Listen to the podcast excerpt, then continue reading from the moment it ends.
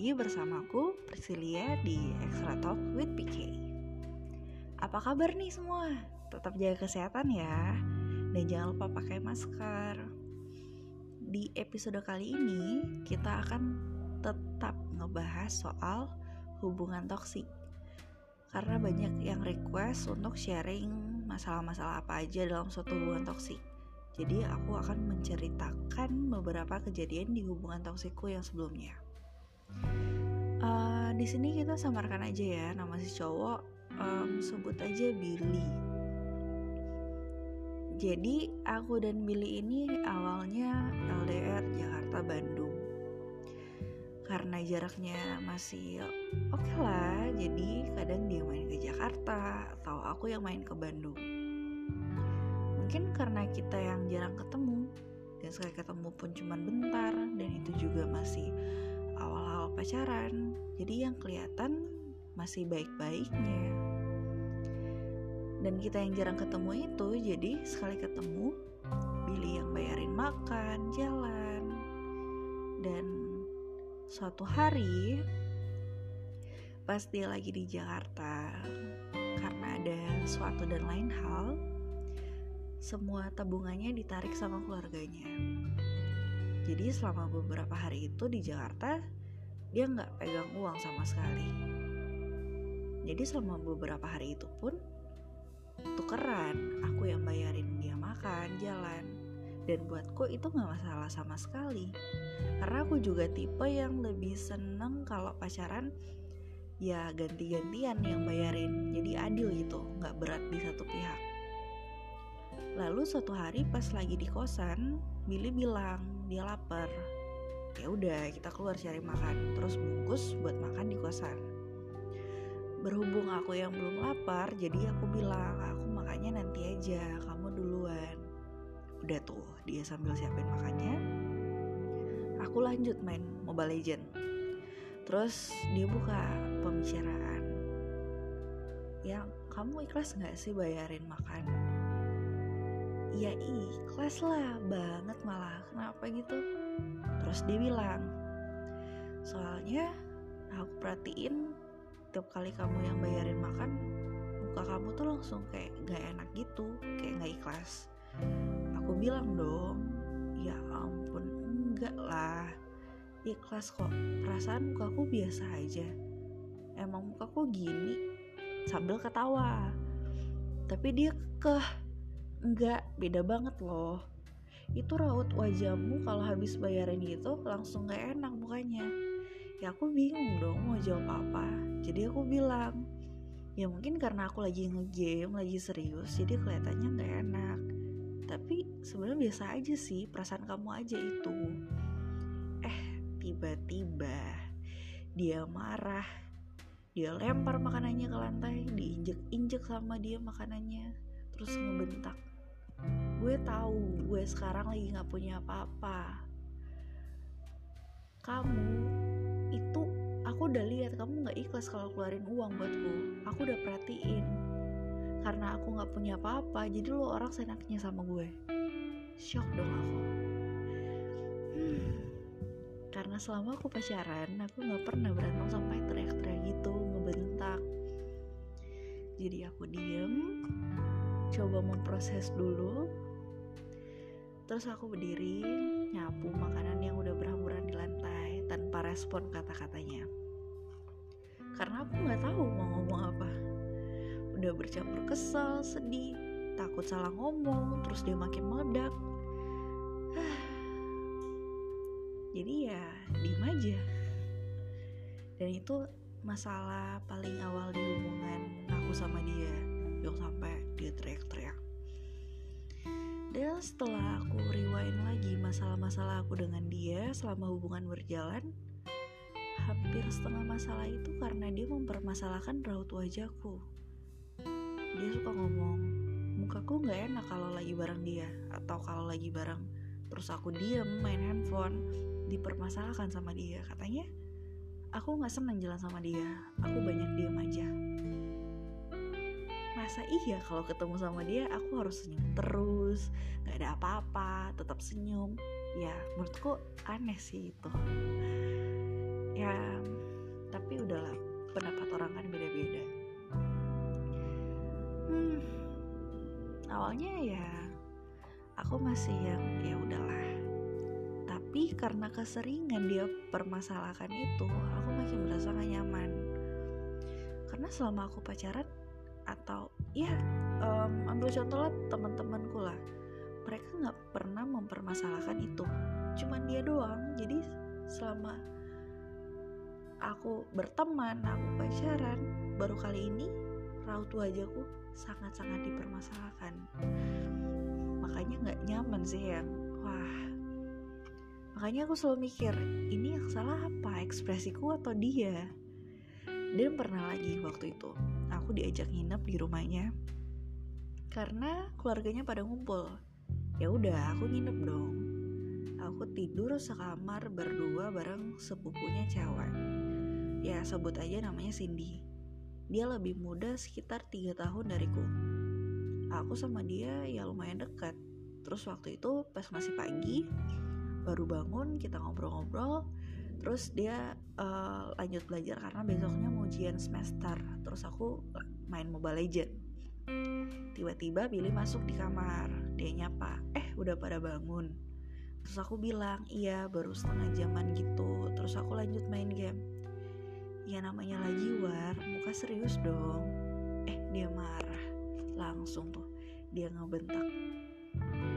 Apa sih sil lo nggak seneng di sini nggak seneng ketemu sama keluarga gue. Anjing sih lo itu aku diem liatin dia. Itu aku udah antara kesal malu nahan nangis dihituin depan sepupunya. Aku cuma narik nafas terus aku coba untuk tetap tenang. Aku bilang orang lagi ngegame juga apa sih? Aku cuma ngerespon itu yang aku coba buat nahan biar nggak kepancing emosi. Terus ini kaget dia tutup bukunya. Dia langsung ngomong ke Billy udah sih kok ngapain bentak-bentak gitu ke Cecil? Billy bilang soalnya dia nggak pernah bener mukanya kalau lagi sama Koko. Selalu kayak nggak seneng gitu kata Cindy. Tapi nggak gitu juga kok sampai maki-maki gitu. Akhirnya si Billy keluar kamar tuh turun ke bawah pas siangan si Cindy balik kosan. Katanya mau ngambil pakaian nanti balik lagi. Terus saudaranya yang lain itu lagi pada keluar. Jadi di rumah tinggal ada bibinya yang lagi nonton di lantai satu Billy di kamarnya terus aku di kamar di lantai dua. Aku rapi-rapihin barang-barangku. Udah pikir mau pulang aja deh karena udah sekesel itu sih. Terus Billy masuk kamar nanya lagi itu seketika dia marah dengan nada tinggi dia ngomong apa sih mau sil? Nggak ada ya balik-balik kosan. Lo ya? Bikin gue emosi terus. Aku cuma liatin dia terus sambil jalan kamar mandi mau ngambil peralatan mandi mau ngerapihin terus ditahan sama dia. Dia marah-marah sambil nunjuk-nunjuk muka. Lo mau uji emosi gue ya? Oke sial itu aku udah geram banget terus aku jawab pokoknya gue mau balik kosan sekarang. Cukup ya Bill lo malu-maluin gue depan sepupu lo. Mau depan siapa lagi lo malu-maluin gue? Depan tante om lo. Silakan sekalian aja. Tambah kencengin lagi suaranya biar bibi lo dibawa denger tahu kalau kita lagi berantem. Gue udah pernah bilang kan gue paling gak suka kalau berantem depan orang lain terus lo teriakin gue kayak tadi depan sepupu lo. Terus lo bilang gue uji emosi lo sakit sih lo. Makin kepancing dong emosinya pas aku bilang gitu. Dia makin teriak sampai lo cabut dari rumah gue. Lo lihat gue bakal bikin apa. Lo tahu kan sih gue orangnya nekat. Sampai lo turun tangga lo lihat aja. Itu aku udah yang bodoh amat. Mau ngapain juga? Dia mau salto pun udah nggak peduli aku ambil tas di kamar terus turun ke bawah. Itu ketemu sama bibinya terus ditanyain sama bibinya Sisil mau ke mana udah mau pulang bi sambil senyum. Eh pulang naik apa? Nggak dianterin sama Billy? Kok buru-buru banget pulangnya. Di sini aja dulu. Terus aku bilang e, nggak bi. Balik sendiri aja. Nanti naik gojek depan sambil pakai sepatu lagi pakai sepatu tiba-tiba Billy datang samperin. Dia ngambil handphoneku terus dia bilang nggak ada ya balik-balik. Aku bilang balikin HP-nya gue mau pesan gojek. Terus dia coba buat tenang nadanya langsung yang kalem terus dia bilang ya udah malaman aja ya pulangnya nanti dianterin. Ini sekalian nunggu saudaranya pulang biar sekalian pamit gak enak nanti mereka balik akunya udah pulang. Ya udah akhirnya aku nggak jadi balik. Karena aku mikirnya ya aku harus pamit dulu ke saudaranya. Aku nggak balik bukan karena dia tapi karena saudaranya. Kamar kunci pintu nangis nangis nangisnya nangis bukan yang karena sakit hati tapi karena capek nahan emosi dan itu nggak enak banget. Mungkin di antara kalian akan berpikir kenapa ngelawan? Kenapa aku cuma diam aja digituin? Kenapa nggak diputusin aja? Udah semua pertanyaan itu aku udah lakuin. Aku orangnya kalau nggak suka sama sesuatu kalau menurutku nggak perlu dipermasalahkan nggak perlu didebatin ya aku better diam atau ada sesuatu yang harus diomongin tapi lawan bicaraku emosinya udah meluap-luap aku mending diam dulu. Tunggu dia rada kalem baru diobrolin. Karena kalau dia dipaksa obrolin di waktu itu cuman akan kepancing emosi dan ujung-ujungnya bukan ngobrol cari penyelesaian malah cuman omongin kekurangan masing-masing. Kecuali aku rasa ini udah keterlaluan atau ini harus diomongin kalau dibiarin makin menjadi. Ya itu aku pasti debatin saat itu juga sih. Um, contohnya waktu itu Billy sedang ada masalah dengan bibinya. Terus dia ke kosanku. Moodnya udah jelek. Dia cerita sambil yang kayak kesel-kesel gitu. Aku coba tenangin dia bikinin minum. Aku coba buat jadi pendengar yang baik. Dia bilang aku nggak membantu bilang aku nggak ngerti apa-apa. Aku bingung jadinya harus ditanggepin gimana? Dan dia ini orangnya sering banget berasumsi. Yang kadang orang lain gak berpikir sampai segitunya dia bisa pikir ke situ. Ya lebih ke seuzon sih asumsinya itu. Nah kadang sifatnya itu buat kita berantem dan saat berantem kalau asumsinya itu nggak benar dan udah keterlaluan ya aku debatin apalagi dia yang berlatar belakang pendidikan hukum jadi debat itu kayak makanannya sehari-hari argumen dan idealis. Jadi kita terlalu sering berdebat dengan berbagai macam asumsi yang dia pikirkan. Cuman karena itu doang. Terus mungkin kalian bertanya-tanya kenapa nggak diputusin aja?